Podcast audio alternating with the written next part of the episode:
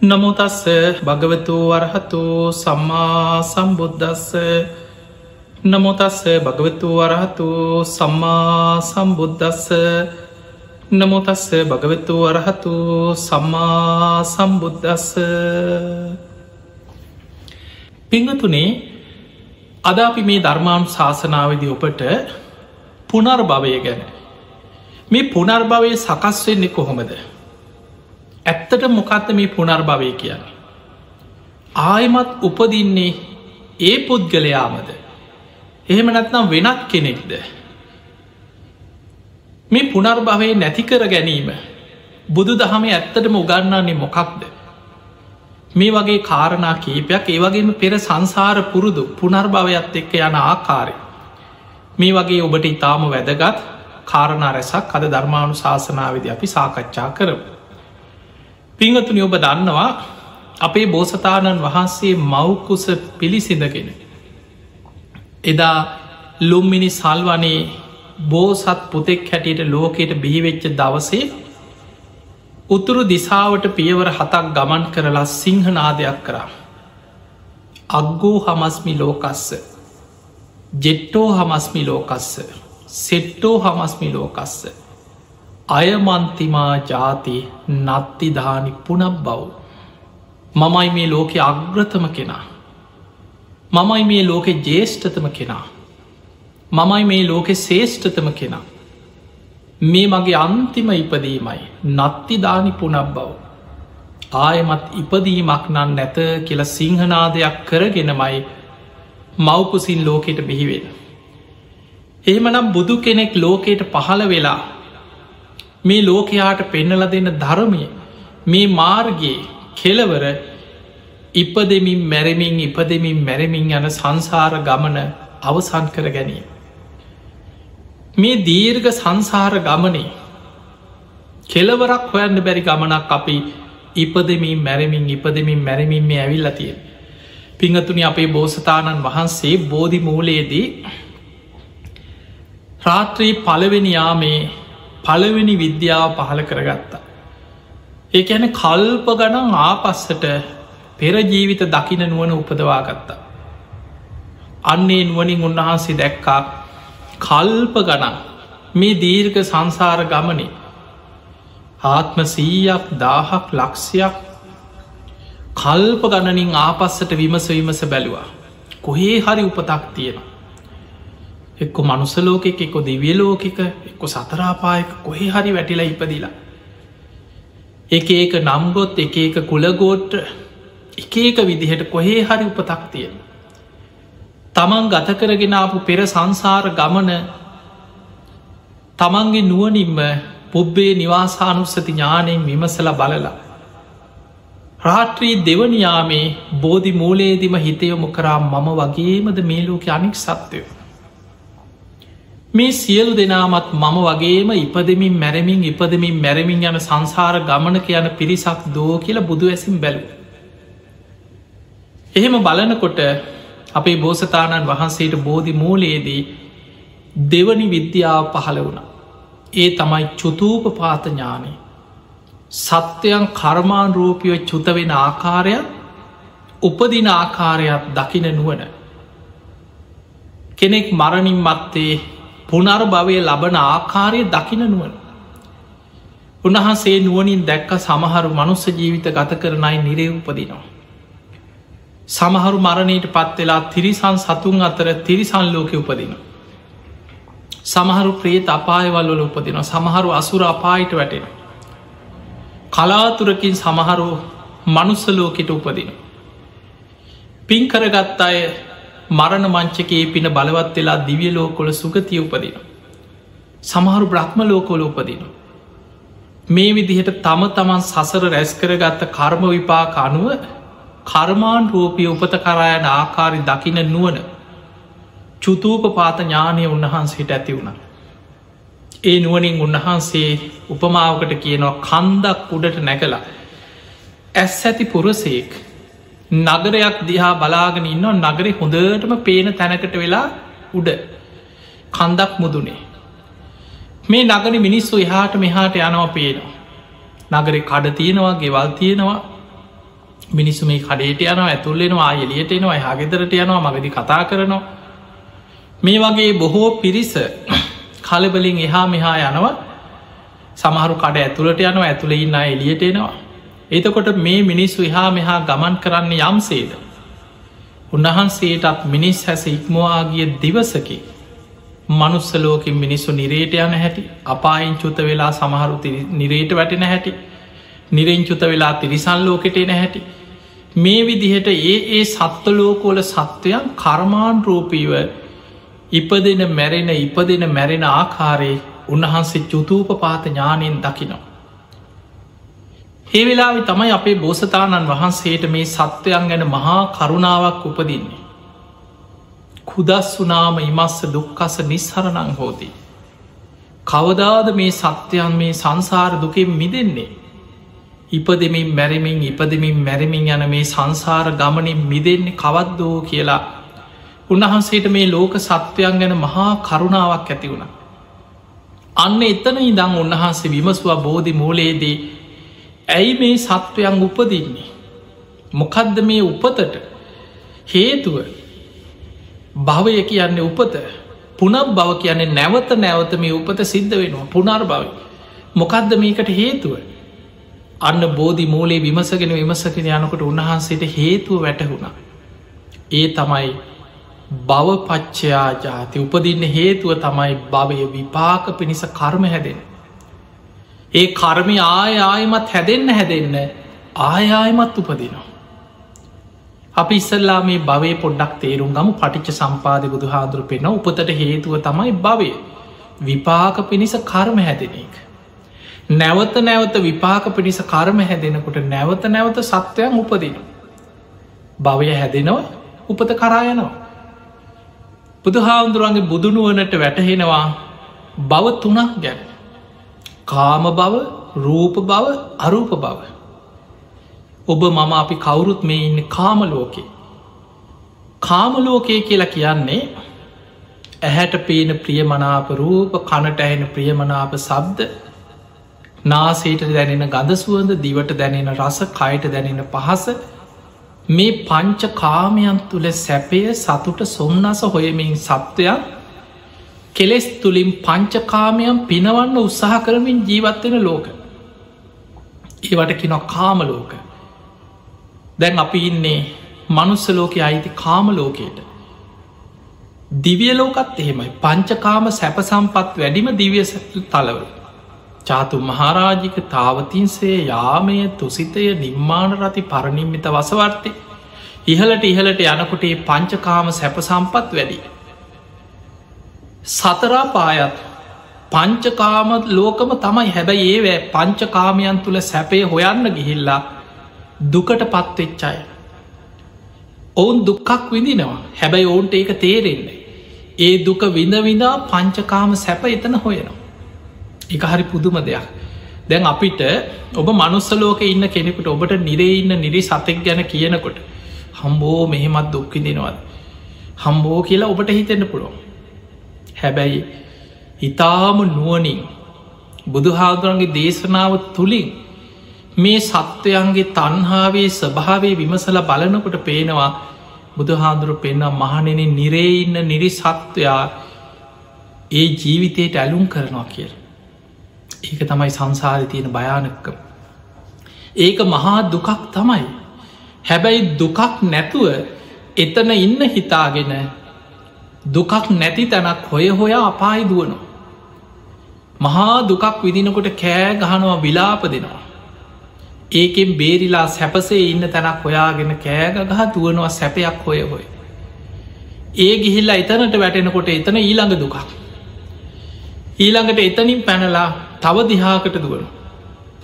එහෙම අපායෙන් අපායට වැටි වැටි දුක්විනවිද අපාය තුළ දුකක් නැතුව තැනක් හොය හොයා අපායි දුක්විනවිද දුවදවා කර්ම විපාක ගෙවනු. තිරිසන් සත්‍යයක්ත් එහෙමයි. අපිට තිරිසනිත් දැක්කට පස්සේ අම්බෝ මෙහෙමත් දුක්විදින සත්තු කියලා හිතෙන්න්න පුළුව. හැබැයි ඒ සත්වය ආත්මීට ඇලුම් කරනවා. ඔහුේ ජීවිතයට ආස කරනවා. ප්‍රේතයත් එහෙමයි. ප්‍රේතයෙක් සෙම්සොටු මළමුට්ට අසූචි ඔබට මේ වැහෙනකොට පේතවත් මේ මේ ඔබ බලන්ඩ ප්‍රේතයන්ගේ ආහාර ගැන පේතවත්වේ සඳහන් වෙන බුදුහාන්දුර විස්තර කරන දේශන ගොඩා. ඒ අමනුස්්‍යයන් කරමාණු රූපීව කුසගින්න නිවාගන්න ඉතාම පිළිකුල් සාගත දේවල් තමයි ආග්‍රහණය කළ උරාබීල කුසගින්න නිවාගන්න. හැබැයි ඔබට ඒව ගැන කියනකොට අම්බූ සමහරලාවට ඇහෙනකොටම අපිරිය හිතන වමන යන්නේ නො සමහර. හැබැයි ඒ ප්‍රේත ලෝක ඉන්න ප්‍රේතය ඒ ආත්මයට ඇලුම් කරන ආස කරනවා. ඔහු සමහරු පිංගන්නවත් කැමතින ඒ ආත්මෙන් මිදන්න කැමතිනේ.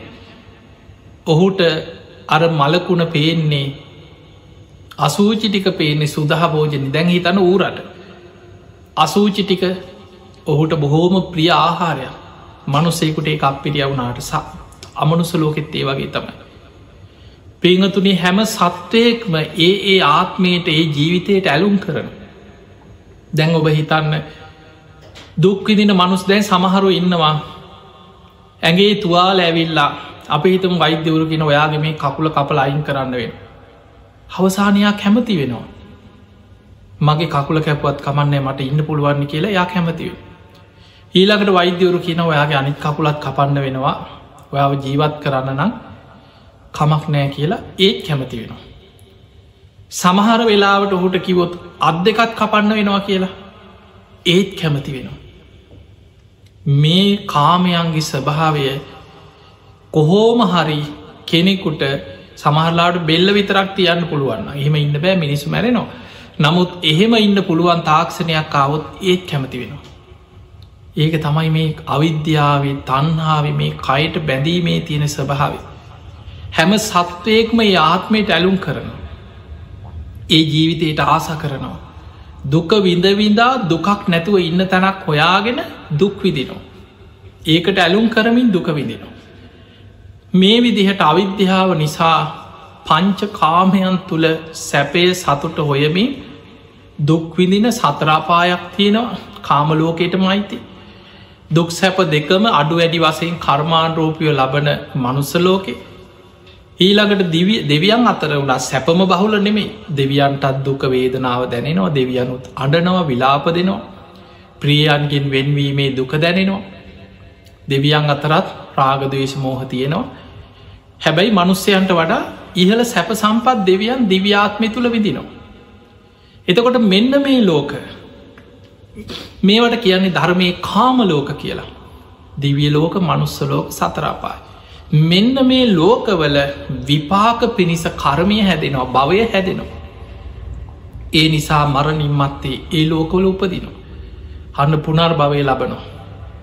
භවය හැදෙනවා ආයමත් උපත පිණිස. ආයායමත් කර්ම සකස් වෙන ආයායම සත්‍යයන් උපදී. ඊළඟට යම් කිසි කෙනෙක් මහා වීරියවන්ත පින් ඇති අයි ඉන්නවා. මේ කාමයන්ගේ ආදීනව සිහි කරලා ඒකින් මිදන්න හිතාගෙන භාවනා කරන. සමත භාවනා කරලා දිහාන උපදවාගෙන අපිතම කෙනෙක් පලවෙනි දෙවනි තුන්ගනි හතරවෙනි කෙනොයි සමාධි තම තමන්ගේ වීරිය ප්‍රමාණයට ඒ ඒ සමාධි මට්ටන් දියුණු කරනවා. එතකොට ඒ ඒ සමාධියට අනුව ඔහුට භවයක් හැදෙනවා ඒ තමයි රූප භවය. කාම පංචකාමයන් තුළ ඉන්නකොට කාමලෝක විපාක පිණිස කර්මය හැදෙන කාම භවය. පංචකාමයන්ගේ මිදිලා දෙහාන වඩන කෙනාට ඒ ඒ දෙහානයන්ට අනුව විපාක පිණිස කර්ම හැදෙන. ඒ නිසා තමයි මරණින් මත්තේ බ්‍රහ්ම තලවල උපදින්. රූපාවච්චර බ්‍රහ්ම ලෝක දාසයක් ගැන බුදුහාන්දුර විස්තර කරන. පලවෙනි දිහානය ලබල දෙවනි දිහානේ තුන්ගනි දිහානය හතරවනි දිහානය කෙන මේ දිහාන තලවලට හිත දියුණු කරලා ඒ ඒ සමාධි මට්ටංවලට අනුව උපදින බ්‍රහ්ම තල බ්‍රහ්ම පාරිසජ්‍ය බ්‍රහ්ම පුරෝහිත මහා බ්‍රහ්ම ඔය විදිහට බ්‍රහ්ම තල දාසයක් තියෙන රූපාවචර බ්‍රහ්මලෝක කෙනෙක් තවත් ඉහලට හිත දියුණු කරනවා භාවනා කරලා. එය අරූප දෙයාන ආකාසා නංචායතන විඤ්ඥානංචායතන ආකින් චඥායතන නේව සංඥානා සංඥායතන මේකෙන අරූප දෙහාන උපදවනු.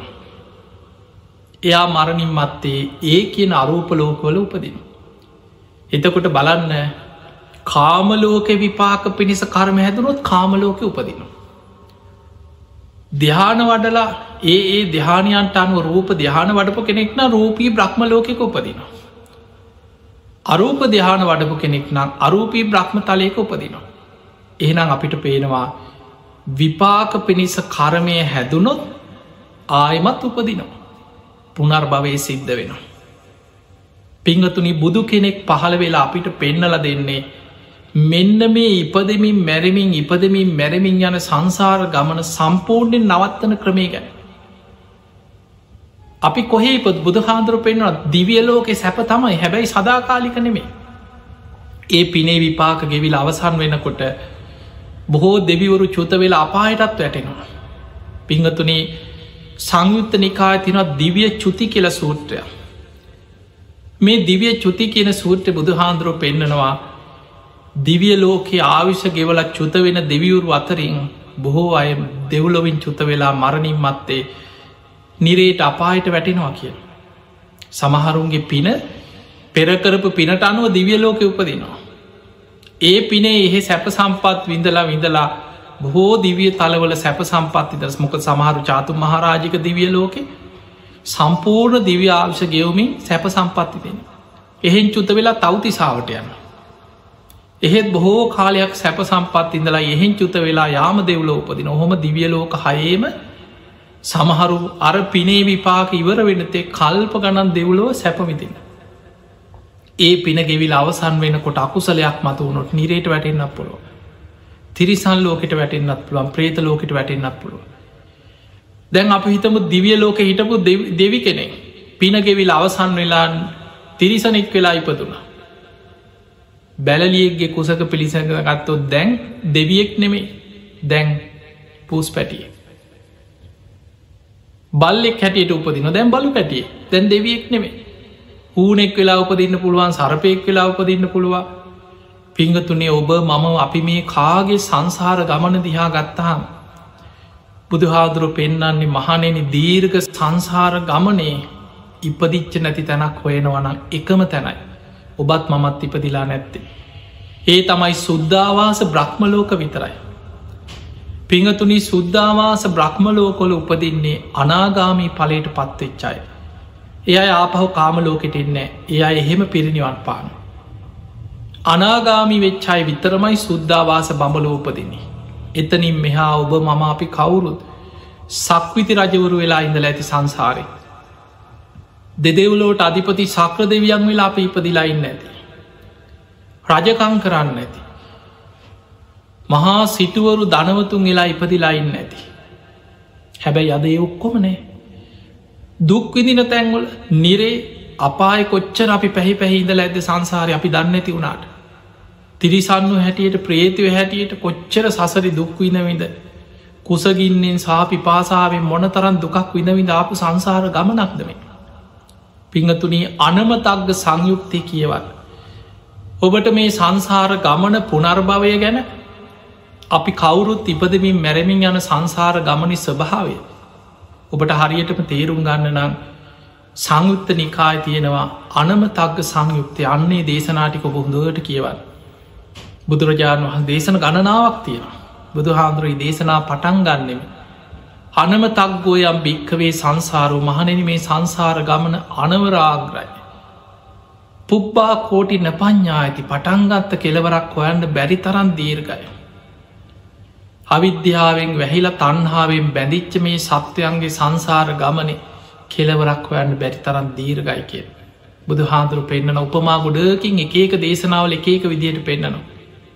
එක පුද්ගලේ අපි හිතම අපි ගැන ගෙවාගෙනාපු දීර්ඝ සංසාර ගමනේ අම්මාවරුන්ගේ බීලා තියෙන කිරිටික සතර මහා සාගරයේ ජලයට වඩා වැඩී කියනවා. එහෙමනං හිතරන්න අපි ආපු සංසාර ගමනි ස්භාවේ. මහනෙන එක පුද්ගලයෙක් මේ දීර්ඝ සසර ගමන ඉපදමින් මැරමින් ඉපදමින් මැරමින් ආපු ගමනේ. එළුව වෙලා බෙලි කැපුම් කාපු වාරවල ගලාගෙන ගියල්ලේ මේ සතර මහා සාගරී ජලයට වඩා වැඩී කියලා හිතන්න කියෙන්. අද අපිට තේරුම් නැතිවුණට බුදුහාදුරු බුදුනුවනින් දකිනව සංසාර ගමනි භයානක්කම.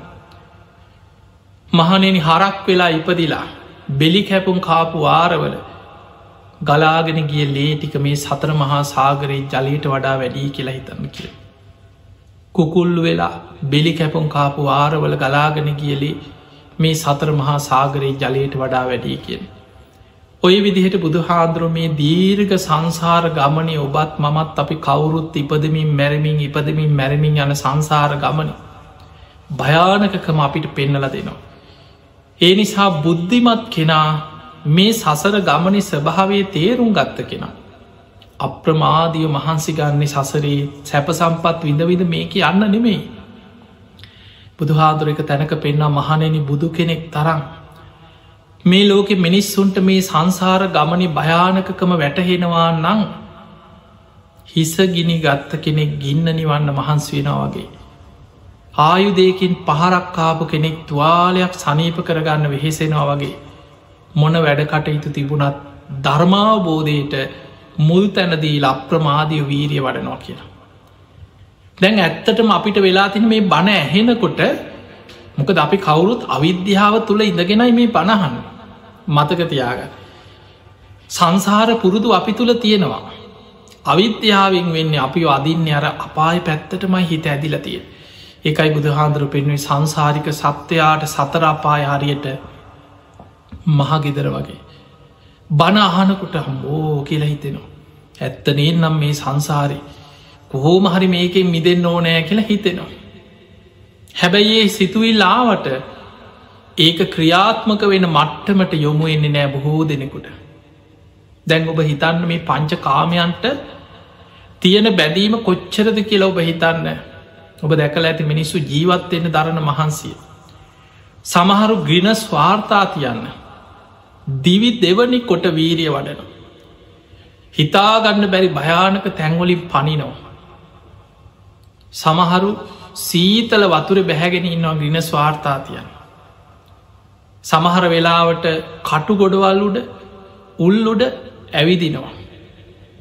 ඔළුවේ තියලා කොන්දෙ තියලා එක්ක ගල් කඩන ඔබ දැකල ඇති සමහර ගෙන ස්වාර්ථ දැක්හා පුදුම හිතෙන. ඒ වාර්තා තියන්ට ගිල්ල මැරිච්ච මිනිස්සු කොච්චර ඉන්නවාද. ඔවුන් ඒ වෙනුවෙන් කොච්චර වෙහෙසෙනවද හැබැයි කවදාවත් නිවන් දකිින් භාවනා කරන්න සසරෙන් මිදෙන් ඕන කෙළ හිතෙනවද නෑ ඒවට හිත යොමු එන්නේ. අරවගේ දේවල්ලට ආසයි. ඊළඟට ඔබ දැකල ඇති සමහර ක්‍රීඩක මුළු ජීවිත කාලෙම පුහුණු වෙනවා පුරුදු වෙනවා හැමදාම දවසට සමාරු පැය හතාට ඒ තමන්ගේ ක්‍රීඩා පුහුණුවීම් කරන එක්සයිස් කරනවා. හැබැයි දවසකට පැයි භාගයක් භාවනා කරන්න කිව් ඒකට හිතියොමු එන්නේ. ජීවිතයේ සමහරු රස්සාවල් හරීම භයානක රැකියාවල් දැන් නිකං හිතන් හමුදාවට බැඳිලා. යුදබිමේ සමහර වෙලාවට බෝම්බ ස්තිරියේ බෝම්බ වැටෙනවා වෙඩි තියාගන්නවා ඒත් ඉස්සරහට යනවා. මහා අනතුරු මැද්දෙ වෙඩිතියාගෙන වෙඩිතියාගෙන ඉස්සරහට යනවා. මහා යුද්ධබිමේජී ඊළඟට ගිනිගන්නකොට ඒවත් නිවන් අර ගිනි ගොඩවල් මැද්දට පැනලා ඒවා නිවන්න මිනිස්සු බේරගන්න උත්සාහ කරන. හැබැයි ඒ තරන් ජීවිතය කැපකිරීන් කරගෙන කාමයන් තුළ දුවන කෙනාට භාවනා කරන්න නිවන් දකින්න ධර්මාවබෝධයට වීරිය වඩන් ඒකට හිතයොමු එන්නේ. ඒ නිසා මේක ලේසි දෙයක් නෙමේ අවිද්‍යාවෙන් වැහිච්ච ජීවිතේ ධර්මාවබෝධයකට හිත යොමු කරනවා කියලා කියන ලේසි දෙයක් නෙමේ පින්වතුනි. ඒ නිසයි බුදුරජාණන් වහන්සේ පෙන්වේ මේක සංසාරිකව ටික ටික ටික ටික පුරුදු කරලා හිත නැඹුරු කරන්න ඕන දෙයක්. සංසාර පුරුද්දක් අවශ්‍යමයි. මොකද අපි ඉපදමින් මැරමින් ඉපදමින් මැරමින් මේ යන සංසාර ගමනේ ටික ටික ටික ටිකයේ අතහැරීම. ඒකට කෙන නයිස් ක්‍රම දැන්ව දස පාරමී ගැන ඔබ හොඳට බලන්නක විමසලා. සංසාරිකෝ පුරුදු කළ යුතු දේවල්. මේ සසරෙන් මිදන්න නම් පුනර්භවය නැතිකරගන්න නම් ඉපදීමෙන් නිදහස් වෙන්න නම් අපි සසර පුරා පුරුදු කරගෙන ආයුතු ගුණධර්ම බුදුහාන්දුර පෙන්න්නනවා. දානය. දානය ගැන අතහැරීම. කාමයන් අතහරිනවා කාම සම්පත් වස්තුව දන් දෙනවා කියලා කියන්නේ තම තමන් සතු වටිනා දේවල් වටිනා වස්තුව අනුන් එනුවෙන් කැප කරලා අතහරිනවා ත්‍යයාගේ අතහැරීම පුරුදු කරනු. එකට සංසාර පුරුද්දක් තියෙනවා. සසර පුරුද්දක් තියෙන කෙනා තමයි සතුටෙන් දන් දෙන්න. ඒ නිසා සංසාර පුරුද්දක් තියෙන්න්න ඕන. ඊළඟට සිල්වත්කම එක සංසාධිකව පුරුදු කරන්න ඕන සීලේ. ඊළඟට නයිස්ක්‍රම් පංච කාමයන් අතහරින් ලේසිනයක. සමහරු බලන්න දවසක් සිල්ගන්න හිතයොමු එන්නේ දව එක දවසකට. ඒ නිසා මේ කාම සම්පත් ගෙවල් දොරවල් අමුදරුවෝ බිරිඳ හම්බ කරපු දේවල් මේ අතහරලා ජීවත්වෙන්න වෙනවා කියනක සමහරුට හිතන කොටත් මුළු ඇඟ හිරි වැටලා යන සමහරුට අම්බෝ කොහොම ද අපි නැතුව ඉන්නේ. මේ ගොඩනගපු ජීවිතය මේ බැදිච්ච ජීවිතය මේ අතහැරලා ඉන්න කොහොමද කියලා මිනිස්සුන්ට හිතන කොටත් පුදුමයි. හැබැයි ඒවත් ටික ටික ටික ටික නයිස් ක්‍රමය මේ කාමයන් අතහැරීම හිතෙන් පුරුදු කරගන්න කියල. ඊළඟට ප්‍රඥාව ඒ පිණිස අවශ්‍ය විදියට නුවන පුරුදු කරන්න. වීරිය අකුසල් ප්‍රහාණය කළ කුසල් දියුණු කරගන්න වීරිය. දාන සීල නයිස්ක්‍රම්මය ප්‍රඥාවිරිය කන්තීවසීම සත්‍යවාදීකම අධිෂ්ඨානමං කොහොමහරි මේ අතහරිම කොහොමහරිමන් ධර්මය අවබෝධ කරගන්න මං මේ ගමන කොහොමහරි යනවා මං බුදු හාන්දුරු පෙන්න්නපු නිවන් මගේ කොහොමහරි ගමන් කරන අධිෂ්ඨානයක් තියෙන මෛත්‍රිය උපේක්ෂාව මේ කියන ගුණධර්ම ටික ටික ටික ටික සංසාරිකව පුරුදු කරන්න ඒවා සසර පුරා පුරුදු කරනකොට ජීවිතයක් ධර්මාවබෝධි පැත්තට අතහැරීම පැත්තට නැඹුරු වෙලා ටික ටික ටික ටික වැඩෙන. ඒ නිසා පිංහතුනි බුදුහාමුදුරුව බණකිව්වත් ධර්මය අවබෝධ වනේ සංසාර පුරුද්දක් තියෙනයට. මතකතියාගන්න පෙර පින නැත්නම් බුදුහාදුරු පෙන පුබ්බේච කතපුඥතා. පෙර පින් ඇති බව ධර්මාවබෝධයට ඉතාම වැදගත්තයක්. ඒ නිසා පෙරපින තියෙන්න්නට ඕන. ඒ පෙරපින කියන එක ධර්මය අරමුණු කරගෙන ධර්මාවබෝධය අරමුණු කරගෙන සසර වඩපු ගුණ ධර්ම පාරමී දර. මේවා පිරිච්චයි සමහරයි ඉන්නවා ඒකා සංකීය කල්ප ලක්ෂයක්. හග්‍රශ්‍රාවක තනතුරු ප්‍රාර්ථනා කරගෙන සසර පාරමී පුරණය. අසංකයකුත් කල්ප ලක්ෂයක් මේ ගුණධර්ම සසරි පුරුදු කරගෙන ඒවා පුරාගෙන පුරාගෙන ආපු මහා පුුණ්‍යවන්ත චරිත ඒ අයට එක බණපදයක් ඇති. බුද්ධ වචනය ඇහෙනකොටම ධර්මාවබෝධය ලබනෝ. නුවන පහළ වෙනවා ප්‍රඥාව පහළ වෙනවා. බුද්ධිය පහළ වෙලා ධර්මාවබෝධය ලබන. සමහරයි ඉන්න මේ බුද්ධ ශාසනය තුළ කල්ප ලක්ෂයක් පාරමී පුර අසූ මහශ්‍රාවකයන් වහන්සේලාදී.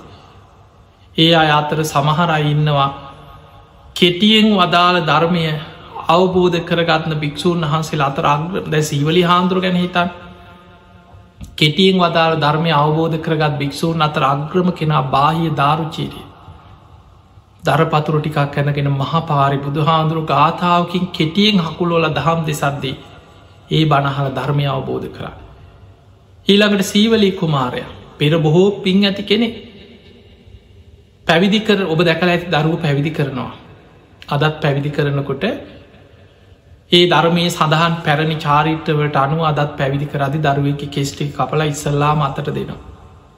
මේ කෙස් දිහා බලාගෙන හිතන්න කිනො කේසා ලෝමා නකා දන්තා තජෝ කේස් ලෝම්නිය දත් සම්මස් මේ විදිහට මේවා පිළිකුලයි කියලා හොඳට නුවනින් හිතන්න කියන. එදා සීවලි කුමාරය පැවිදි කරේ සාරිපුත්ත හාන්දුරු. බුදුහාන්දුරුව සාරිපුත්ත මහරහතන් වහන්සේට පැවරුව සාරිපුත්ත. මේ සීවලියෝ පැවිදි කරන්න. සාරිපුත්ත මහරහතන් වහන්සේ කෙස්ටිකක් අපල සීවලීගේ අතට දුන්නා. සීවලී මේ කෙස්තිහා බලාගෙන මේක පිළිකුලයි කියලා කේසා ලෝමා නකා දන්තා තචෝ හොඳට විමසන් මේ කය අසුබ දෙයක් පිළිකුල් දෙයක් නුවනින් විමසන් පළවෙනි කෙස්ටික දිහා බලාගෙන විමසනකොට සුවාන් පලයට පත් වනා දෙවනි කෙස්ටික කපල අතට දුන්නා සීවලි මේ කෙස් දිහාත් බලාගෙන ඒ විදිහට විමසන් සකදාගාමී පලට පත් වුණ. තුන්ගනි කෙස්ටික කපල අතට දෙනකොට අනාගාමී පලට පත් වනා හිස බාල අවසන්න වෙනකොට සිවර පොරවන්නත් පෙර රහත් වෙලා ඉවරයි. සීවලී මහරහතන් වහන්සේ උතුම් මරහත්තයට පත් වනේ විදිර හිතාගන්නවත් පුළුවන්ද කියලා හිතට මොන්න තරම් පුර්ණය ශක්තියක් තිබ්බ චරිතද. හැබැයි උන්වහන්සේලාගේ දැන් කෙනෙකුට හිතෙන්න්න පුළුවන් ඉතින් එහන මටත් පුළුවන් වෙන්න එප. කෝ අපිට කියලා. හැබැයි සීවලි හාමුදුරන්ගේ සංසාර ගමන පෙර සසර කල්ප ලක්ෂයක් ධර්මාවබෝධය අරමුණු කරගෙන පෙරුම් පුරාගෙන කැපකිරීන් කරගෙන ආපු මහා පින්වන්ත ගමනක්. ඒ නිසා පිංහතුනේ අපි දන්නේ නෑ අපේ පෙර සංසාර ගමනය අපි කොහොම ආපු ගමනන්ද අපි මේ පාරමී පුරාගෙනද? තාවම අපිට ඒව පුරුදු කරන්න තියෙනවද? හැබැයි ඔබට මේ ධර්ම මාර්ග වඩාගෙන යනකොට ඔබටම ඔබේ තියෙන මේ අතහැරි මේ පාරමී ධර්ම ඔබට ඔබ තුළින් විමසල පුනරාවර්ජනය කළ යම් ප්‍රමාණයකට ඔබට තේරුම් ගන්න පුළුවන්. බලන්න සමාජයේ සමහරය සතුටෙන් දන් දෙනවා. දාන පාරමිතාව පුරුදු කරගත්තයි හැම සමහරු ඉන්නවා හැම වෙලායම අනේ කාට හරි දානයක් දෙන්න තියෙනවන කාලෙකින් පින්කමක් කරගන්න බැරි වුණ.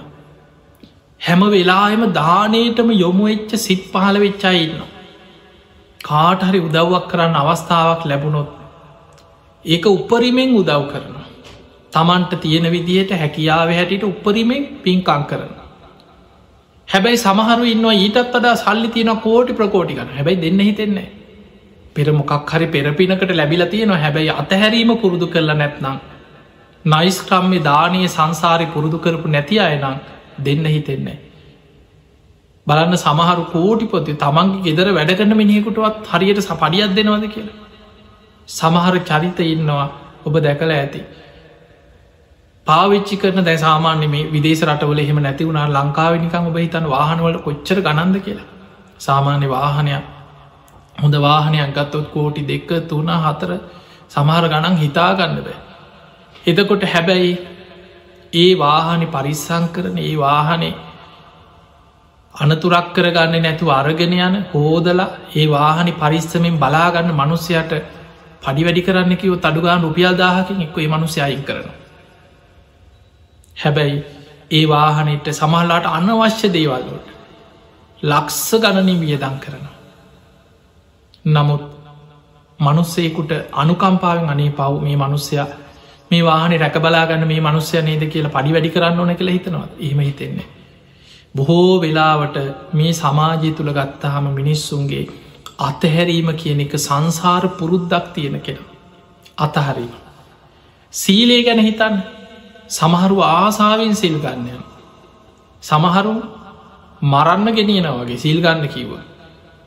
පන්සලකට එක් යන්නම් බැරි අයින්නවා.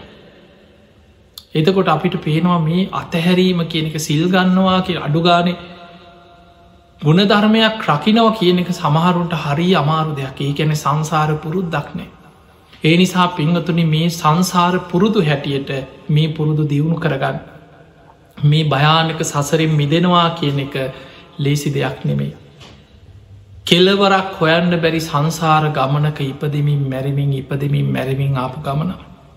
පිංහතුනි බුදු හාන්දුර පෙන මේ ගමන මහා භයානකයි. පවුලක පස් දෙනෙක් කියල හිතන් පස් සාකාරයකට යන සංසාර සමට අම්ම තාත්තා. එක්කො තාත්ත මැරලා නිරේ. අපි ගම අම්ම මරණයට පත්වෙලා දන්දීපු සද්ධාවන් අම්මගෙනන්න අම්ම සුගතිය යනවා. තාත් අපායි එක්කො සහෝදරී මැරිලා ඒ ගෙදරම පූසෙක් හරි බල්ලෙක් හරි වෙලා උපදින්න තව ගෙදර ජීවත් එච්ච කෙනෙ ඒ ඉඩමම පෙරේතෙක් කියලා උපදින. ඕක තමයි සංසාර ගමන. ඔබ අහල ඇති මනිකාර කුළු පගතිස්ස කියලා දම්ම පදේ සඳහන් වෙන කතාව. අර මැනික් කපන බාස් කෙනෙක් ලේ තැවරිච්ච මැනික කොස්වාලිහිනියක් ගිලපු කතාව. බෝක ගොඩක් බනවල්ලට හල ඇති ස්වාමීන් වහන්සේලා උදාහරණුවට කතාව ගන්න. මේ කතාවේ සරලව අපි ගත්තොත් ඒ කතාව වෙන්නේ ඒ ගෙදරට රහතන් වහන්සේ නමක් නිතර පින්ඩ පාති වඩිනකොට මේ නිවසේ ඒ ගෙදර බිරිඳ තින් බොහෝම සද්ධාවෙන් ස්වාමීනි වඩින්න කියලා ආසනයක් පනවල සුදුරෙද්දක් එහෙමෙල්ල බොහෝම ගෞරයෙන් වඩායින්දවල දානි පූජ කරන. එතකොට බිරිඳ හරියට දන්දීල පින් කරගත්තා. ගෙදර ස්වාමයා රජ්ජුරුවන්ගේ මැනික් ඔපදාන කෙනෙ. වටිනා මැනිකක් ලැබුණහම රජ්ජුරුව ඔහුට තමයි ඒවන්නේ සේවකය කතේ මේ ඔපදාලා ලස්සට හදලයවන්. දවසක් මේ මහරහත්තන් වහන්සේ පින්ඩ පා දැන්ම මිනිසු දන්න ගෙදරයි දන්න රහත් කියල භික්ෂුවක් හාමුදුරුව කෙනෙක් බොහෝම සංවර බොහෝම තැන්පත් ස්වාමීන් වහන්සේ නමක් කියලා හිතාගෙන සද්ධාවෙන් දන් දෙනවා. තින් දවසක් උන්වහස නිවසට ඒ ප්‍රදේශ වඩිනකොට දැකලා වඩම්මල ඉවර වෙලා ආසනයක් පනොල ස්වාමීණි වැඩ ඉන්න දානිටික හදනකම් ඔහොම චුට්ටක් වැඩ ඉන්න කීවා. තින් දැන් ගෙදර වෙලාව තියෙනවා ඉක්මට දානය හදනවා. ඔය වෙලාවේ රජ්ජුරුවන්ගේ රාජ බටේ ඉක්මනට ආවා රජ්ජුරුවන්ට ලැබිච්ච වටිනා මැනිකක් උපදාගන්න. ඒ වෙලාවෙ ගෙදර මනුස්්‍යය ස්වාමිය මස්වගයක් කම්බෙලා මේ මස් කපනෝ. අතේ ලේත් ඇවරිලා ලේ ඇවරිච් අතේ මස් කපනු. ඔය වෙලාවේ අර මැනික සේවකයෙක් ගෙනහල දුන්න. ඒ වෙලා විද මැනික අතට දුන්නට පස්සේ අර ලේ තැවරි චති මැනික ගත්ත ගෙනල්ල ඉවල්ලා සාලේ තැනක තිබ්බා. අර ස්වාමීන් වහන්සේ දැක්කම මේ මැනික තියෙනවා. ඇති උන්වහන්සේ බාපාඩුවේ තමන් බොහෝම සංවර තමන්ට දානටික හදල පිළිගන්නනකන් නිහඬව වැඩ සිට. දැන් ගිහිල් අර මනුස්්‍යයා පිළිකන්නට ගිහිලා පුරුදු විදියට මස් කපනවා. ගෙදර බිරිඳ දානටික හදනවා. එතන හදලා ඔය වෙලාව අර ගෙදර ඇති කරනවා කොස්සා ලිහිනී. මේ ලිහිනියා අර ඇති කරන මේ කුරුල්ල පියාඹගෙනාව අර මැනිකේ ලේ තැවරිලා මැනික ගිල්ල ලේ රහට මැනික ගිල්ල. මේ මැනික ගිලි නව දැක්කර රහතන් වහන්සේ දැක්කා. උන්වහන්සේ දැක්ක උන්වහසේ නො දැක්කාවගේ හිටිය. ඇයි කිව්වොත් මේ සතා මරණවනි මැනික ගන්න උන්වහන්සේ නිසද්ද හිටිය. දැන් අර බිරිඳ දානටික හදලා මේ සාමීන් වහන්සේට බොහෝම ගෞරුවෙන් දානය පූජ කර. දානි පූජා කරලා උන්වහන්සේ දානය වලඳනවා. ගෙදර මනුස්සය දැන් අර පිරිමි කෙනා මැනික් ඔපදාන මනුස්්‍ය අත එහෙම හෝදගෙන ඇවිල්ලා අර මැනික තිබ්බ තැන බලනකොට මැනිකනෑ. වටපිට බැලුවා වැටිලද බැලුවා සැකේ ඇති වුණේ කවුරු ගැනද අර රහතන් වහන්සෑර ස්වාමීන් වහන්සේ ගැන සැක ඇති වුණ. ඇයි උන්වහන්සේ තමයි මෙතන හිටිය වෙන කවුරුත් හිටිය නෑ මැනික ගන්න ඇත්ති මේ ස්වාමීන් වහන්සේ තමයි කියලා හිතුණා. ඒ වෙලාවේ උන්වහන්සේ ළඟට ඇවිල් ඇහවා ස්වාමීනී මං මෙතනින් මැනිකක් තිබ්බා ඔබහන්සේක ගත්තද කියලා. උන්වහන්සේ ඕකී වෙත් නෑ නෑකී වෙත් නෑ බොහෝම නිහඬව හිටියත්. දෙවනි පාර කේන්ති ගියා. කේන්ති ගිහිලා ටිකක් දත් මෙහෙම හපල සැරෙන් ඇහු මංග වහන්සකින් ඇහුවේ මට කියපු එකට උත්තර දෙනවා කිය කෝ මෙතන තිබ මැනික කියලා උන්වහන්සේ නෙමෙයි ඇස්සැරලවත් බැලි උන්වහන්සේ දෑස් පියාගෙන හිටිය. ඒ වෙලාවේ බිරිඳ කතා බිරිඳවත් තල්ලු කළ දැම එන්න පාකිය මන්දන්නවා කිය මැනික හොරකං කරපු එක. මංම කහගන්නංකු කියලා ගේ ඇතුළට ගිහිලා කඹයක් අරගෙනාව ඇවිල්ලා අර ස්වාමීන් වහන්සේගේ හිස වටේට කබේ පොට දෙක තුනක් වෙලලා ඔළුවේ තද කර. තදක ලැහුවක් කියනවද නැද්ද? කෝ මැනික කියලැහ. කියනවද නැද්දැහව උන්වහන්සේ හේම ධර්මය මෙනෙහි කරගෙන ඒ වේදනාව තුළ අනිත්‍ය මෙනෙහි කරමින් උන්වහසේ දෑස් පියාගෙන හිටිය. බලන්න තමන්ගේ ජීවිතය නැති වුණත් සතෙකුගේ ජීවිතයක් නැති කරන්න. මොකද උන්වහන්සේ දන්න උන්වහන්සේ මේක කිවොත් අර සතාව මරණවා. උන්වහන්සේ දෑස් ව්‍යාගෙන හිටිය. අර මනුස්්‍යයක් කොච්චර කේන්තියෙන්ද කියන්න අර කඹේ වෙලලත් කිට්ටි කිටිකාල ඔළුව හිර කරලා උන්වහන්සේගේ නහයෙන් ලේ පැන්නා. නහයෙන් ලේනව කටදිකි. අර කොස්සාලීනිය ලේ ගලනකොට පියාමග නැවිල්ල හොට තිබ්බ හර ස්වාමීන් වහන්සේගේ ලේ ගලනකොට එතට තිබ ගමන් ගෙදර මනුසය කේන්තෙන් හිට ගැහු අර කොස්සාලීනියට. ගාපු ගමන් බිත්තිය වැදිලා මේ කොස්වාලීනිය මැරිල වැටුණ. හන්නේ වෙලාවේ අරහතන් වහන්සේ අහනවර් මනුස්්‍යයකින් ඔය සතා මැරිලද බලන්නක ඔබහන්සේට මොක දේක කියලා? කිව්ව. ඔය සතා මැරිලද කියලා බලන්නක ඉස්සල්ලා. බැලුව. බලනකොට මේ සතා මැරිලා. හන්න දැම් සතා මැරිලා? ඒ වෙලා කිව්වත් දැන් එහෙනම් පිහියක් ගෙනල් ඔය සතාගේ බඩ පලන්න කිව හරකුරුල්ලගේ බඩ පලනකොට බඩ ඇතුළෙ තිබ්බා මැනික හැබැයි මැරිච්ච නිසා තමයි කිව්වේ කලින් කිව්වේ නෑ මොකද තමන් ප්‍රාණඝාතයකට අනුබල දුන්න වෙන. ඔන්න ඔය සිදුවීම එදා බුදු හාන්දුරන්ගේ කාලි වෙච්ච සිදුවීම. ඔය එක සිදුවීමත් එක්ක මේකට මැදිහත් වෙච්ච කීප දෙනා ගැන හිතන් ගෙදරට දානයට වැඩිය රහතන් වහන්සේ. ගෙදර අර මැනික් ඔපදාන අර පව්කාර ස්වාමිය ඊළඟට ගෙදර අනේ සද්ධාවෙන් දානටික හදලයට ස්වාමීන් වහන්සේට පූජාකරපු බිරිද ඊළඟට අර කුරුල්ල කොස්සාලීනය ගෙදර ආදරෙන් ඇතිකරපු කොස්සාලීනය මේ අයගේ සංසාර ගමන මේ කර්මයත් එක්ක හැදිච්ච ආකාරය බුදු හාන්දුරු පෙන්නනවා. ගබ්බ මේකේ උපපජ්ජන්ති නිරයම් පාපකම්මිනු සක්ගන් සුගතිනෝ යන්ති. පරිනිබ්බන්ති අනාසවන් කියලා ඔය ගාථාවෙන් බුදු හාන්දුරු විස්තර කරන. ඒ තමයි අර කොස්සාලිහිනිය මරණයට පත්වෙලා ගෙදර ආදරෙන් ඇතිකරපු දරුවෙක් වගේ ඇතිකරපු මේ කුරුල්ලා මරණයට පත්වෙලා බිරිඳගගෙම කුසේ දරුවෙක් වෙලා පස්සෙ පිළිසිඳ ගත්තා. ඒ බිරිත සද්ධාවෙන් දන් දුන්න කාලයක් අනේ අර ස්වාමීන් වහන්සේට දම්පින්කං කරා සද්ධාවේ මේ බිරිඳ කරපු පින් නිසා වයිසට ගිහිලා බිරිඳ මරණයට පත්වෙලා දිවිය ලෝක ඉපදන. දානාදී පින්කම් බලය. අර රහතන් වහන්සේ නොබෝ දිනකින්ම පිරිනිවන් පෑව. අර හිස හිර කරලා නහයෙන් ලේ පැන්ල උන්වහන්සේ එකෙම අසනීප වෙලා උන්වහස ටික දවසකින් පිරිනිවන් පෑව. ඒ රහතන් වහන්සේට අපරාධ සිදුකරපුයේ පෞකාර ස්වාමයා වයසට ගිහිල්ලා මරණයට පත් වනා ඔහු කරගත්තේ ආනන්තරි අකුසලයක්. රහතන් වහන්සේ නමකගේ ජීවිතයේ ගාතනය කිරීම අකුසලි ආනන්තරි අකුසල ඒකෙන් නිරේට වැටුණ. එතකොට බලන්න එකම සිදුවීමත් එක්ක ඒ රැස් කරගත්ත කර්මයෙන් රහතන් වහන්සේ පිරිනිවන් පෑව. ගෙදර ස්වාමිය මරණින්මත්තේ කල්පයක් නිරේට වැටුණ.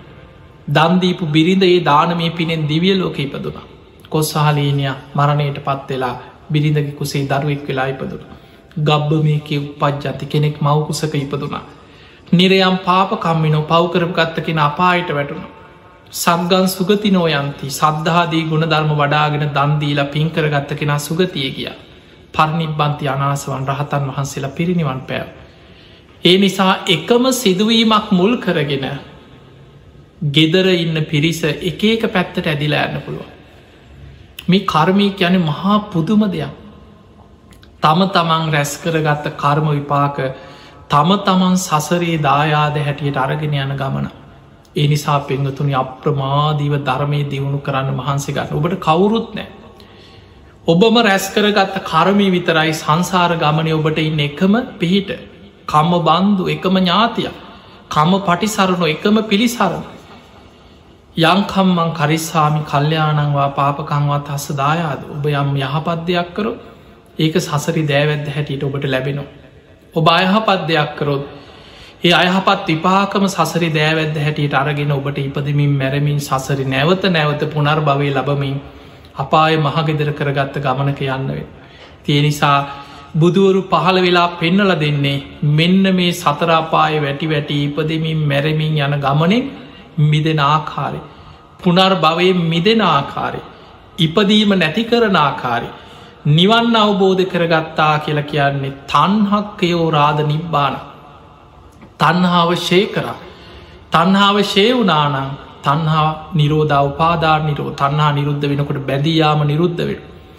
උපාදාන නිරෝධ බව නිරෝධ විපාක පිණිස කර්ම හැදෙන්නෑ භවය නිරුද්ධ වෙනවා. භවය නිරුද්ධ නම් බව නිරෝධා ජාති නිරෝධ. ඉපදීම නිරුද්ධයි.